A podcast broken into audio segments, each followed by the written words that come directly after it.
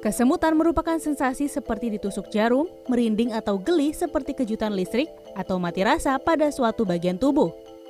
Kesemutan biasa terjadi di bagian kaki, tangan, pundak, atau bagian tubuh lainnya. Dalam bidang medis, hal ini disebut juga parestesia. Kesemutan ini sering dianggap wajar dan sepele oleh sebagian masyarakat.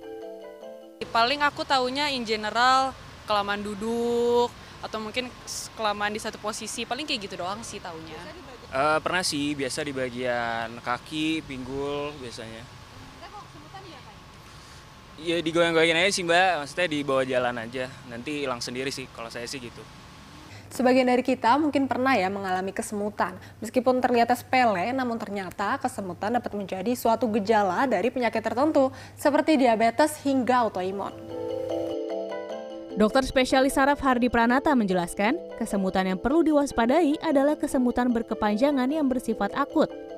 Kesemutan ini muncul secara tiba-tiba yang disertai gejala lain, seperti kelumpuhan hingga penurunan daya ingat. Ia menyarankan agar segera konsultasi ke dokter guna mendapatkan pemeriksaan dan penanganan yang tepat.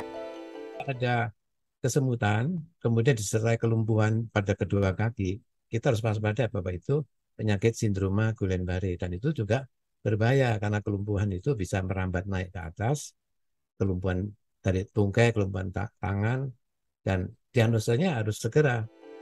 Kesemutan dapat menjadi tanda gejala dari suatu penyakit tertentu, mulai dari stroke, diabetes, kemudian penyakit sistemik seperti gangguan ginjal, hati, pembuluh darah dan penyakit darah, kanker dan tumor yang menyerang saraf, gangguan saraf neuropati perifer, kemudian penyakit sindrom saraf terjepit seperti sindrom carpal tunnel dan kelumpuhan saraf, hingga penyakit autoimun seperti sindrom Guillain-Barré yang ditandai kelumpuhan pada kaki, kemudian lupus dan rheumatoid arthritis.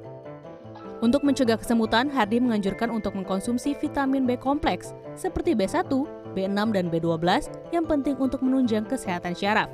Selain itu, ia juga menyarankan sejumlah cara yang dapat dilakukan saat mengalami kesemutan. Mulai dari menghilangkan tekanan pada bagian tubuh yang mengalami kesemutan dengan mengubah posisi tubuh, kemudian menggerakkan bagian tubuh, melakukan peregangan hingga pijat ringan. Hal ini agar memastikan saraf tidak terlalu tertekan dan aliran darah dapat kembali mengalir ke seluruh tubuh. Syifa Hanifah, Kurnia Yuniarwan, Jakarta.